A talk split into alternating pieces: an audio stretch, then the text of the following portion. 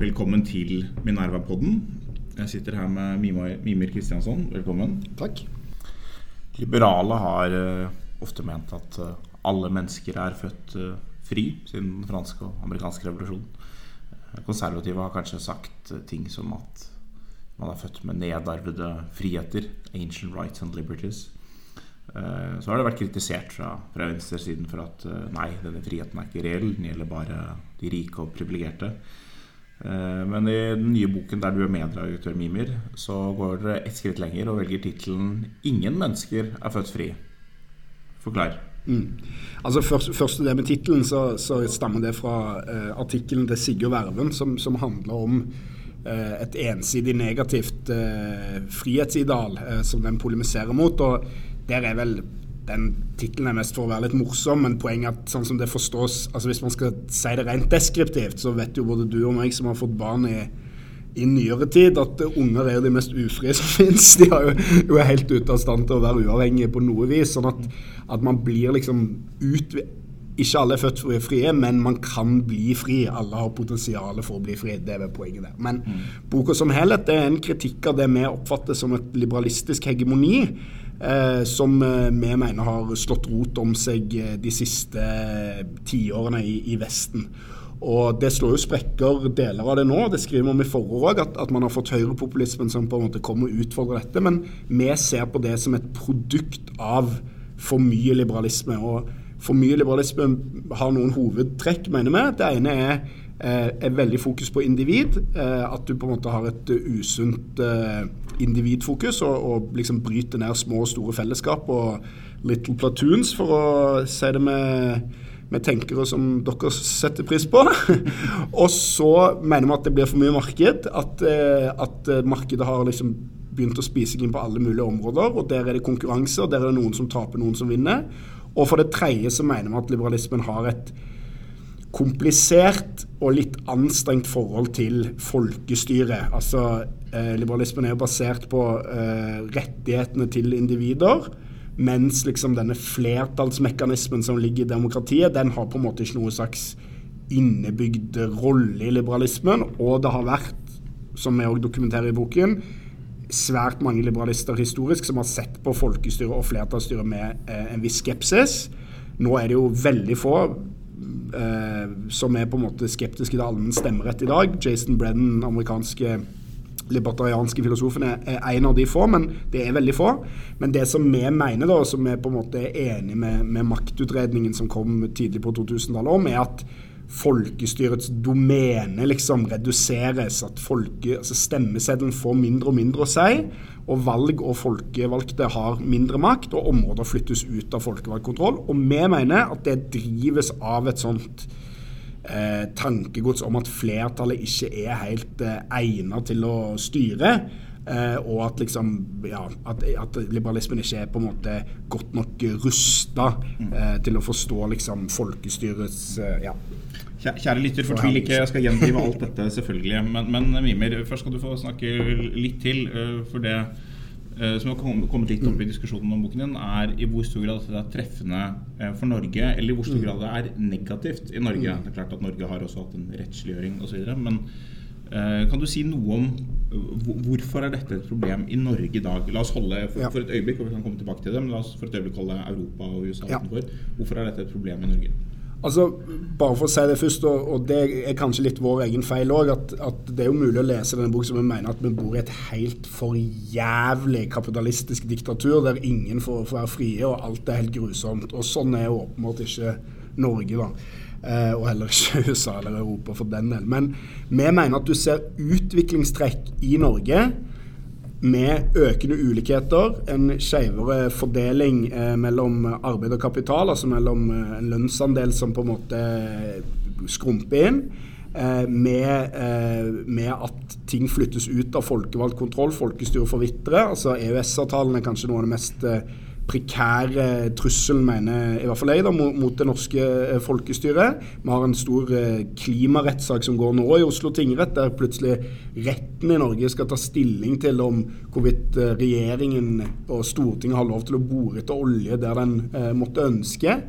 Og sånn at, men jeg mener ikke at disse tingene har slått ut liksom i, i full blomst i Norge. altså De negative utsagnene mye av det skyldes at Norge er et veldig rikt land med veldig mye penger. Det meste ordner seg på et eller annet vis. Og noe av det skyldes jo at Norge har en veldig sterkt vern mot liberalisme, nemlig et veldig sterkt og radikalt historisk sosialdemokrati. da. Sånn som jeg forstår det, så er det tre hovedpunkter i kritikken din. Det ene går på at det er for mye eh, liberalisme i en litt nesten, nesten, metafysisk forstand. En av konsekvensene er atomisering, mm. opplevelse av fellesskap osv. Det er en kritikk som jeg som, som jeg kan være enig i. Så sier du at det er for mye marked. Eh, det fører til ulikhet og en del andre problemer. Det er den kanskje noe i. Og så er det eh, rettsliggjøring, som mm. du sier, beskriver som manglende folkestyre. Eh, alle disse tre tingene jo, har vært diskutert over ganske mm. lang tid. Ingen av dem er nye. Uh, og de, de, reflekterer jo noe. Det er ikke en, sånn, det er ikke en spinnvill kritikk. Uh, man kan diskutere hvor, hvor, omfattende det er, uh, og hvor alvorlig det er. Men, jeg, jeg, tenker at en, en, viktig ting man skal diskutere disse tingene, er å skjønne hvor det kommer fra. Hvorfor er det det ble sånn? det betyr også hva, hva ville alternativet vært? Og var det realistisk, eller var det godt? Er det realistisk? Hva er det godt? Og jeg ville jo beskrevet uh, sin norsk historie siden 1970, til og med uavhengig av oljen, som en, en ganske sammenhengende suksesshistorie. Og, og, de suksessene innbefatter mye av den liberale utviklingen. Altså, og Det som har skjedd siden 1970, hvis jeg skulle beskrive det, er at Norge har blitt et uh, veldig mye rikere land. Uh, vi er blitt et land der mange flere har rettigheter som du og jeg er enige om at er positive. Eh, vi har blitt medlem av EØS. Det syns du selvfølgelig er negativt. Men hvis du ser det liksom under ett siden 1993, 1994, eh, så er det også må det ha vært en, en, veldig god ting for norsk handel. Eh, vi har i, hatt relativt mye Så kan man diskutere de siste årene, det er jeg helt med på, men vi har hatt en i hvert fall i første omgang veldig mange fordeler vi har knyttet til et Europa med mye mindre grenser for oss. Vi, nordmenn har fått mye lettere tilgang til veldig mange ting. Det er veldig positivt. Uh, og så er det en, del av de tingene du trekker frem som uh, mer marked, mer omorganisering, den type ting. Hvor, hvor, man, det er litt vanskelig å skjønne problemstillingen. Så sånn, Telenor er i dag uh, børsnotert og drevet etter markedsprinsipper. Og det kan man rase mot nå og da. Men hvis du sammenligner med Televerket i 1980, så er det ikke så mange nordmenn som sier det var bedre før. Og Bent Sofus Strane har rast mot elmarkedet, og nå de ringer og sier vil du bytte til den, og jeg har ikke oversikt, og det er tullemarked og sånn. Men i realiteten, altså hvis du sammenligner norsk uh, kraftpolitikk i dag med hvordan det var før, så er det i hvert fall ikke sånn åpenbart at verken at dette er negativt. Jeg mener det på mange måter er positivt. Det gir en bedre utnyttelse av naturressursene. Uh, men det er, sånn, det er veldig vanskelig å forstå høyrepopulismen som et svar på konkurranse på kraftmarkedet. Det er, ikke, det er ikke der det skjer. Og så har du en, en annen del av den uh, markedstenkningen. Det er uh, eh, NPM, New Product Management, i offentlig sektor. Og der er det mye mer å diskutere. Uh, som, jeg tror, som, jeg tror, i noen grad altså Det går løs på menneskers identitet. Eksempel, altså hvis leger skal se, blir, opplever at de blir presset til å være produsenter som ikke får ta fagansvar, så gjør det noe med deres selvfølelse. og Det samme gjelder universitetsansatte og en del andre sånn, den type akademiske kanskje ofte grupper. Og Det er en diskusjon som man må ta hele tiden. Men alle disse tingene vokser jo ut av konkrete utfordringer. Bare ta omorganiseringen på universitetet. Da jeg begynte å studere, så var det veldig, ca. halvparten tok eksamen. Uh, undervisningen var stort sett store fellesforelesninger. Svake elever uh, var overlatt til seg selv, gjorde ingenting. En av grunnene var at man målte ikke noe, man stilte ikke noe spørsmål, man stilte ikke noe krav. Uh, og Sånn var det på mange felt. Det, det, var, det, var, grunnen til at vi sa sånn Vi må måle, vi må gi insentiver. Og Jeg har opplevd veldig mye av den kritikken som kommer hvis man sier sånn man burde ikke privatisere bedrifter, man burde ikke ha insentiver i offentlig sektor av liksom markedstype. Eh, veldig mye av den kritikken mangler et godt alternativ, et godt fundament. Og Mye av det samme gjelder også rettsliggjøringen. Du snakket om oljeboring. Nå tilhører jo Klassekampen mot det jeg kaller SIDIS-sosialismen fra, fra Stavanger, hvor man gjerne vil drille mye olje. Eh, men, men denne, dette søksmålet er et resultat av Det har ikke noe med EØS å gjøre. Det hele tatt. Det er norsk, det norske storting har vedtatt med stort flertall i Grunnloven at sånn skal det være. Og det er jo folkestyre. Og det er jo ikke, ut, det er ikke utslag av noen liberalist. Det er ingen liberalist som ville si, kjenne seg igjen i at dette er eh, det er, det er, liberalt å nekte folk å drille etter olje. Det, det er jo, du kan godt kalle det rettsliggjøring, men det er jo Eh, det er, jo politiske flertall som bestemmer disse tingene. Man si det er negativt. Jeg syns akkurat den loven er, er veldig uklok, men, men, den er veldig demokratisk. Og vedtatt av store flertallet i Stortinget. Hva er det du sitter ja. Her er det flere ting. Du skal ta, uh, ta dette med høyrepopulisme og sånn først. så jeg tror at du har helt rett i at, at uh, om staten selger seg ut av Entra, liksom, så er ikke det på en måte årsaken til FrPs vekst på målingene. Men jeg tror nok at de aller fleste, også på høyresida, vil være enig i at økonomisk utrygghet, usikkerhet, er en helt sentral drivkraft for høyrepopulismen.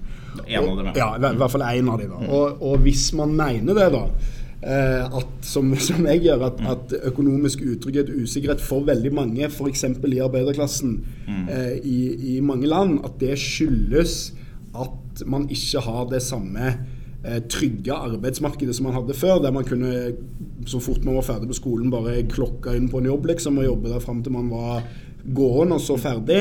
Men mener det, det er resultatet av liberalistisk politikk? Altså jeg tenker det, det, er resultatet av økonomisk vekst og teknologisk utvikling? Ja, jeg mener det er et resultat av liberalistisk politikk, ja. Altså Det er andre drivkrefter i det òg.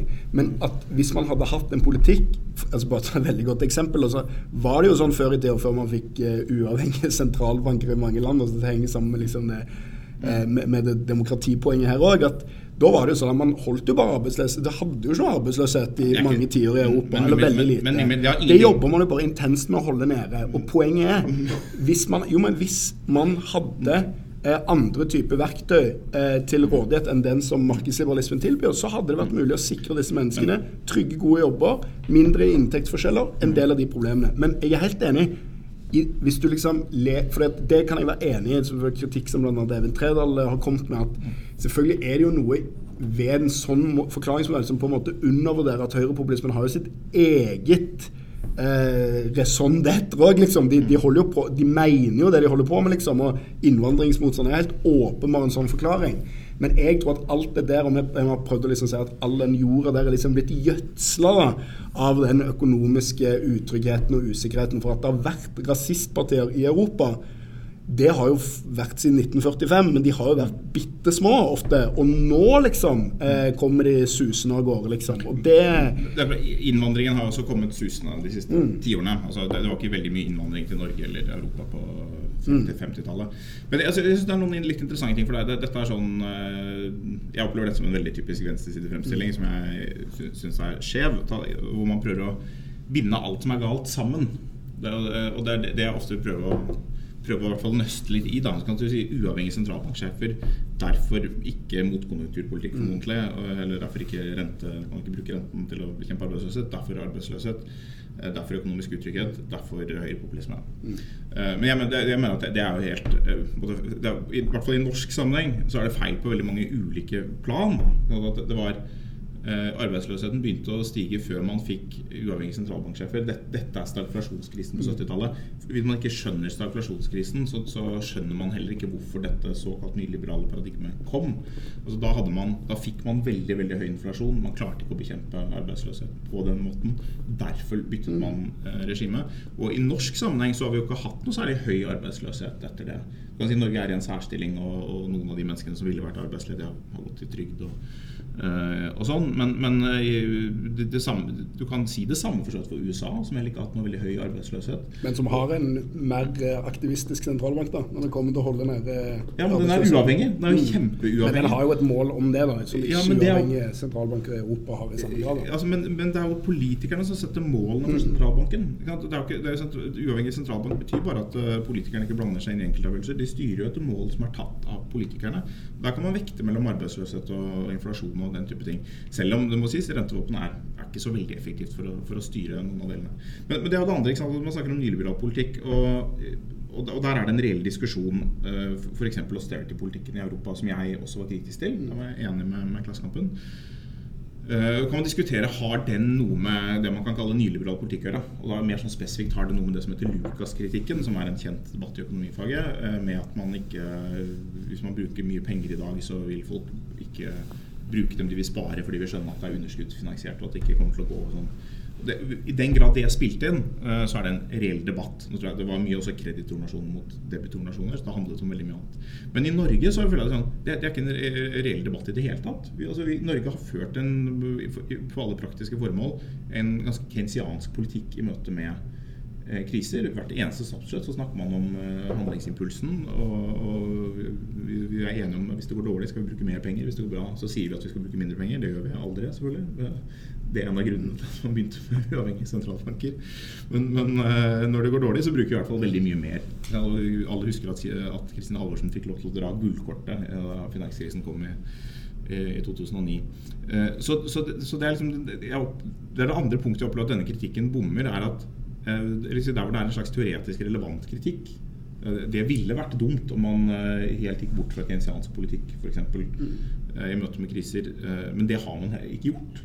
Det er ikke riktig. på en måte. Altså, den, den, formen for nyliberalisme har aldri vært en del av noe mainstream liberalt eller konservativt program i Norge. Og, og interessant nok på akkurat dette feltet heller ikke i USA. Kanskje mer i Tyskland. Altså Det som jeg opplever som jeg syns er litt morsomt med mottagelsen av denne boka. Det der, for, det, for dette, Her ligger det jo et, et grunnpoeng som var, lå sentralt i, i svaret, eller anmeldelsen fra Pål Mykkeltveit i Minerva, som jo mm. i og for seg var ganske utdritende for oss, men det var underholdende og morsom å lese. Så, så den anbefales eh, til Minervas lesere, i det minste. Eh, det, det, er en sjangertro Minerva-anmeldelse for, de, for den høyreradikale menigheten, så, så, det er greit. Men, eh, men det er diskusjonen. Fins det et sånt liberalt hegemoni? Har liksom liberalismen et sånt på en måte gjennomslag som er på en måte tilskrivende? Mm. Og det eh, eh, jeg synes det som er pussig med mottagelsen av boka, det er det at F.eks. Eh, Lars Nordbakken i Civita han skriver i Dagbladet med hvilken rett kan man påstå at det finnes et liberalt hegemoni i dag.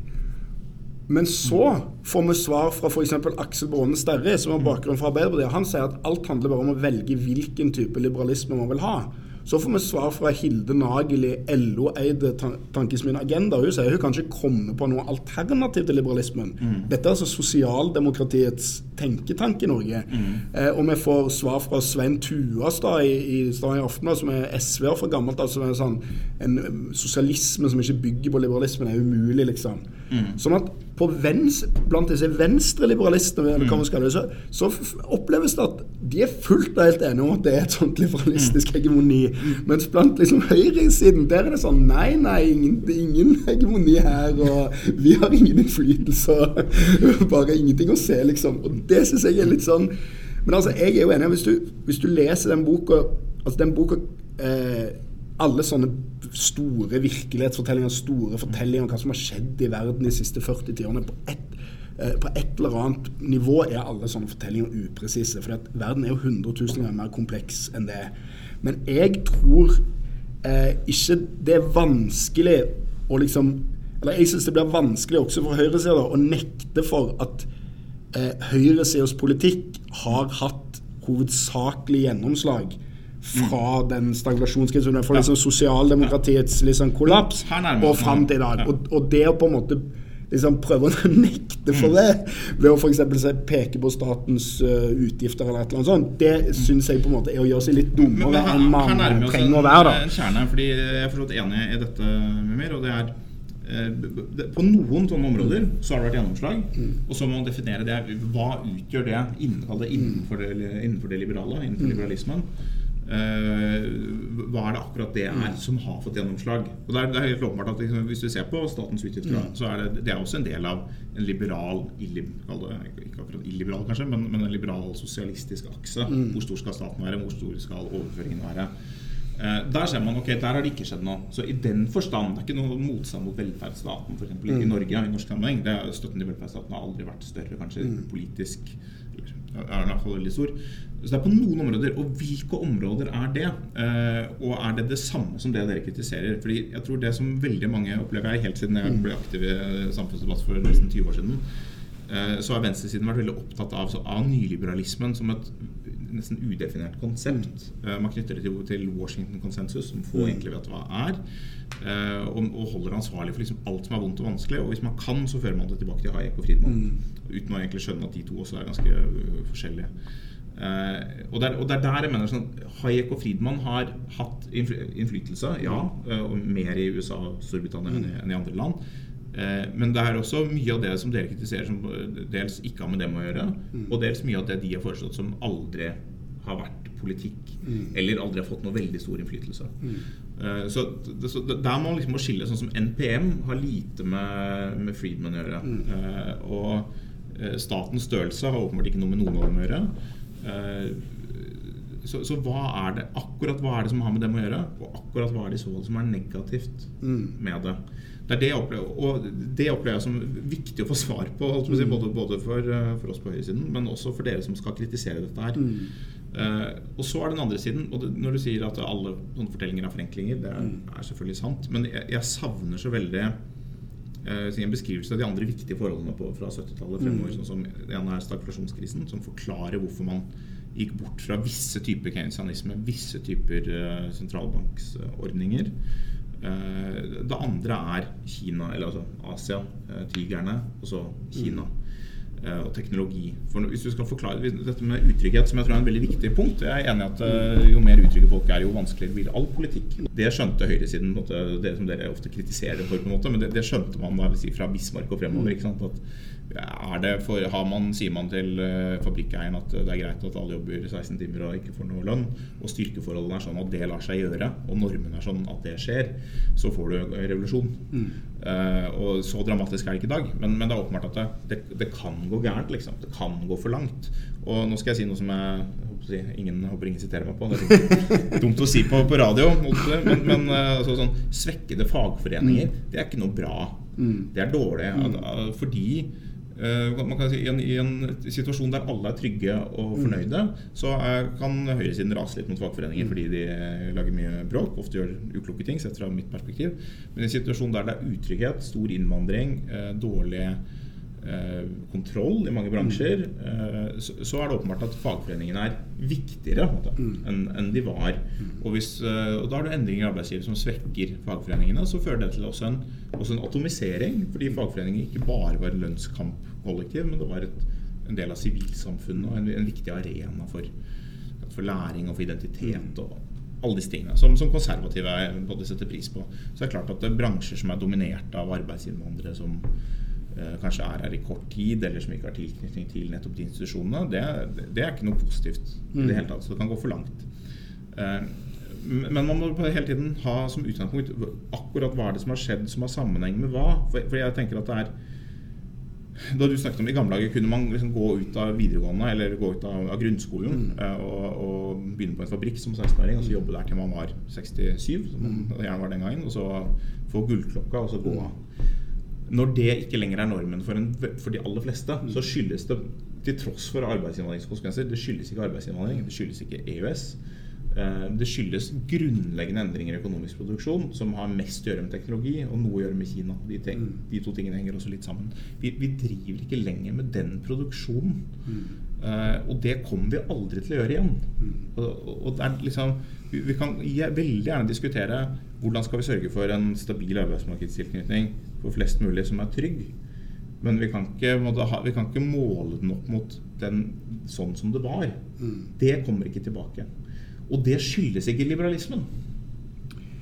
Altså, her er det jo uh, mange ting å, å, ta tak i, for å si det sånn. Altså, det, og bare for å si det noe som jeg er enig i, og, og det kan hende vi går i den fella noen steder i den boka, selv om vi prøver å være litt bevisste på å unngå det. men jeg er enig i at på venstre side så har det fantes en ganske sånn vag idé om hva nyliberalismen er, og det på en måte som alt som er ille, som du sier, tilskrives det, liksom. Og, og, det er typisk når man skal på en måte gå inn og se på disse Hayek og Friedman, som du nevner, det er de eneste to som folk på venstresida jevnt over har hørt om, kanskje.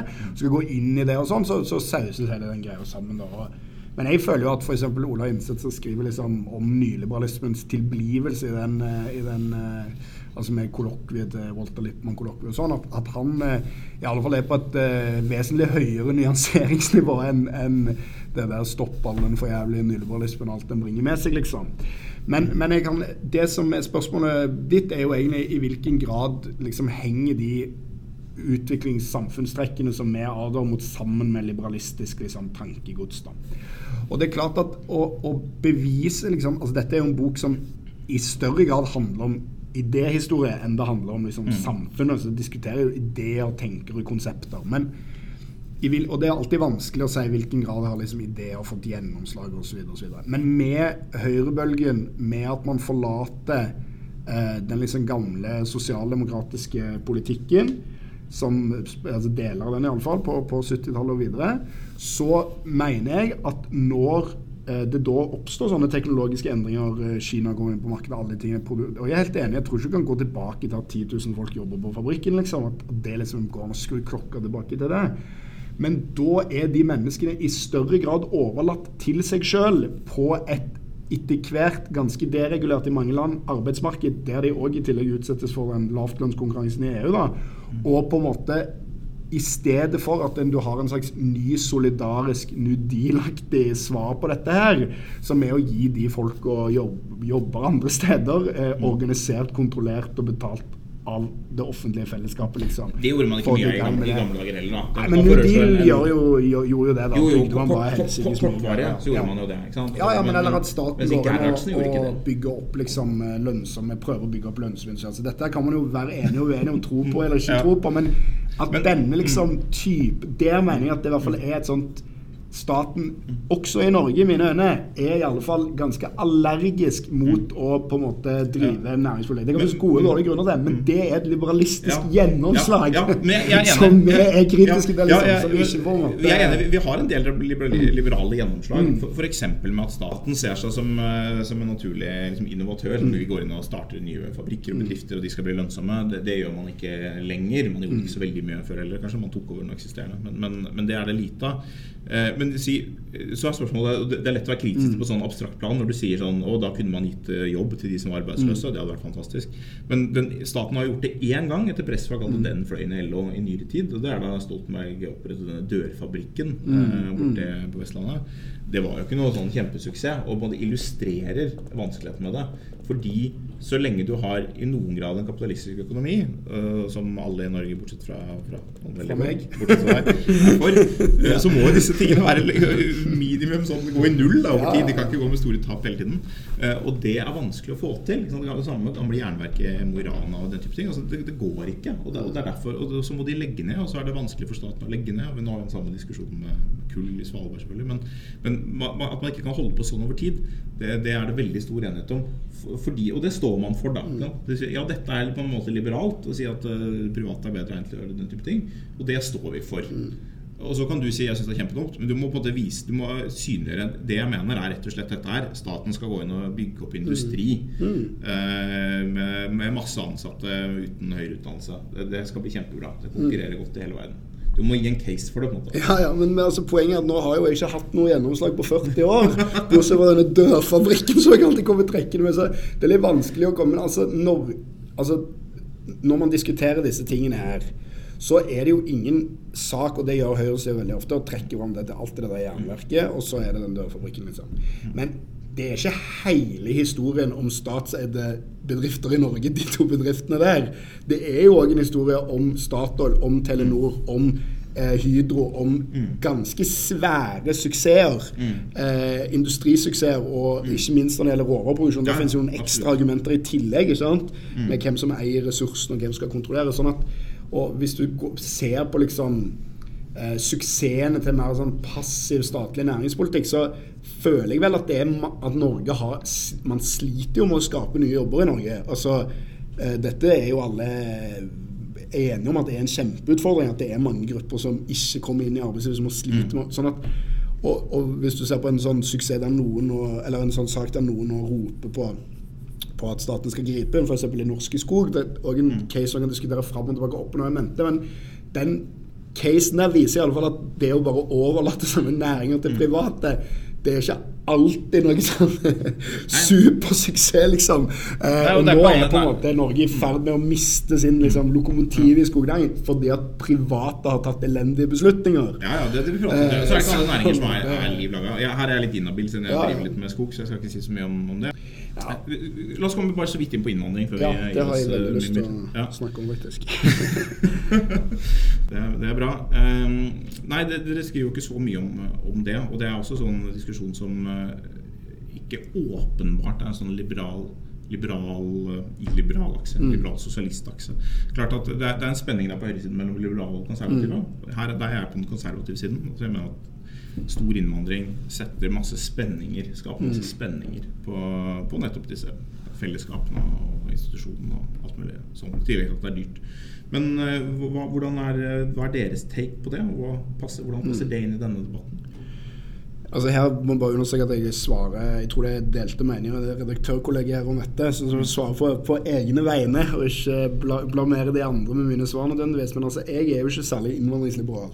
og det, og det har, jeg, har, jeg, egentlig aldri vært. Men det liksom er ikke det mest populære posisjonen å ha på venstresida. Så jeg prøver liksom å holde litt lav profil om det, bare for å unngå å liksom, ha den debatten i evigheten, liksom. Mm. Men jeg mener at det er et ganske godt eksempel på sånn liberalistisk gjennomslag på venstresida finner man i asyl- og flyktningpolitikken. For det, der er plutselig masse folk på venstresida. De er helt ute av stand til å være enig i at en stat skal bestemme hvor mange innvandrere som skal komme, eller hvor mange flyktninger og asylsøkere skal ta imot. Da er det for Venstre blitt et sånn rettighetsspørsmål. Sånn, hvis du bare er et individ med denne rettigheten i sånn og sånn konvensjon osv., så, videre, så kan han komme ja, 100 000 kan komme 100 millioner. altså Det er liksom, det er på en måte ikke ende på det. Og jeg mener at det er en det er å forlate det som liksom er i mine øyne sånn historisk sånn venstresideposisjon, som er at staten skal eh, bestemme, regulere innvandring i Norge. Så kan man være for eller imot, det kan være høy, det kan være lav osv. Men det er liksom Stortingets og statens oppgave. Og vi skal vite hvor mange som kommer, og vi skal liksom bestemme det mm. eh, sjøl, på en måte. Ja, jo, det, her er vi jo eh. egentlig i dag ganske enige. Jeg, vil, jeg synes det er litt interessant fordi du sier dette er liksom liberalistisk gjennomslag. Man, jeg ville man kunne måtte sagt Hvis du er på høyresiden, mm. da, så ville man jo konservative ville sagt at selvfølgelig skal vi ha streng innvandringspolitikk, mm. og liberale ville sagt uh, ja, de skal i hvert fall ikke ha noen rettigheter. Mm. De får komme og være sine egne ja, ja. Med, liksom. sånn. Altså, sånn var det Friedman og, mm. Hayek-typen tenkte. Skal du ha innvandring, så er det, det, er, det er ikke kompatibelt med mm. velferdsstat. Det var den liberalistiske mm. posisjonen. Så var de ofte villige til å ofre velferdsstaten, mm. men, men de i hvert fall ikke, ville i hvert fall ikke hatt dagens situasjon. Da. Så dagens situasjon fremstår jo mer som arbeider i alle land for enheter, sett fra høyresiden. Dette er på måte, Dagens innvandringspolitikk er ikke noe noe typisk eksempel på vanlig liberal politikk. Eh, men for meg så illustrerer det på en måte et, et interessant poeng med rettskjøring. Mm. Som er Jeg er for en viss grad av rettskjøring av og til fordi det er en god måte å, å organisere samfunnet på fri forutsigbarhet for veldig mange forskjellige aktører.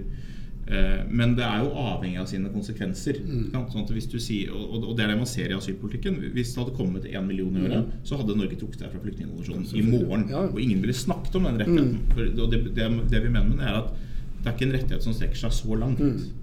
Og, så, og, det gjelder alle våre andre rettigheter også, mm. i en viss grad. rettigheter fungerer så lenge de har oppslutning, mm. fordi rettigheter eh, er politisk forankret. Mm. Eh, men jeg tror det er viktig å skjønne det. At man sier at det er sånn sett også Asylpolitikken er jo demokratisk forankret. Mm. Vi stemmer over dette i Stortinget hele tiden. Eh, det er Stortinget som mm. slutter seg til flyktningkonvensjonen, og som mm. eventuelt trekker seg ut av den. og det, det er politiske debatter. Vi, og all politikk er i noen grad Eh, og må måtte være i noen grad knyttet til rettigheter som går utover liksom, at noen bare bestemmer seg on the spot. Mm. Da har du ingen forutsigbarhet i livet. Jeg, mm. og Det er det jeg, det jeg skulle sett i den rettighetsdiskusjonen. Vi trenger en bedre diskusjon om rettigheter synes jeg, enn det dere gir, og egentlig en maktutredningen også gir. Eh, fordi rettigheter er demokratisk innført i Norge. Mm. Eh, og, og da, vi har alltid hatt rettigheter. Pacta sunt servanda, står det i den gamle landsloven avtaler skal mm. oppfylles. Det er en rettighet. Og mm. staten kan inngå avtaler. Staten kan lage rettigheter. Og ja, du har, ikke sant? Ta de basale. Du har rett til en mm. forsvarer. Du har rett til en god rettssak. Hvis du hadde sagt Nei, det, det, må Stortinget kunne vedta bort i morgen. Mm. Eller, eller, i hvert enkelt tilfelle. Mimer har ikke rett på en god rettssak. Mm. Andreas får en god rettssak, Mimer får ikke en, en, god rettssak. Det ville jo ikke vært akseptabelt i det hele tatt. Mm. Så til det punktet så er alle enige i det liberale mm. prinsippet, det liberale rettsstatsprinsippet. De nedarvede rettighetene, som, som britene ville kalt det.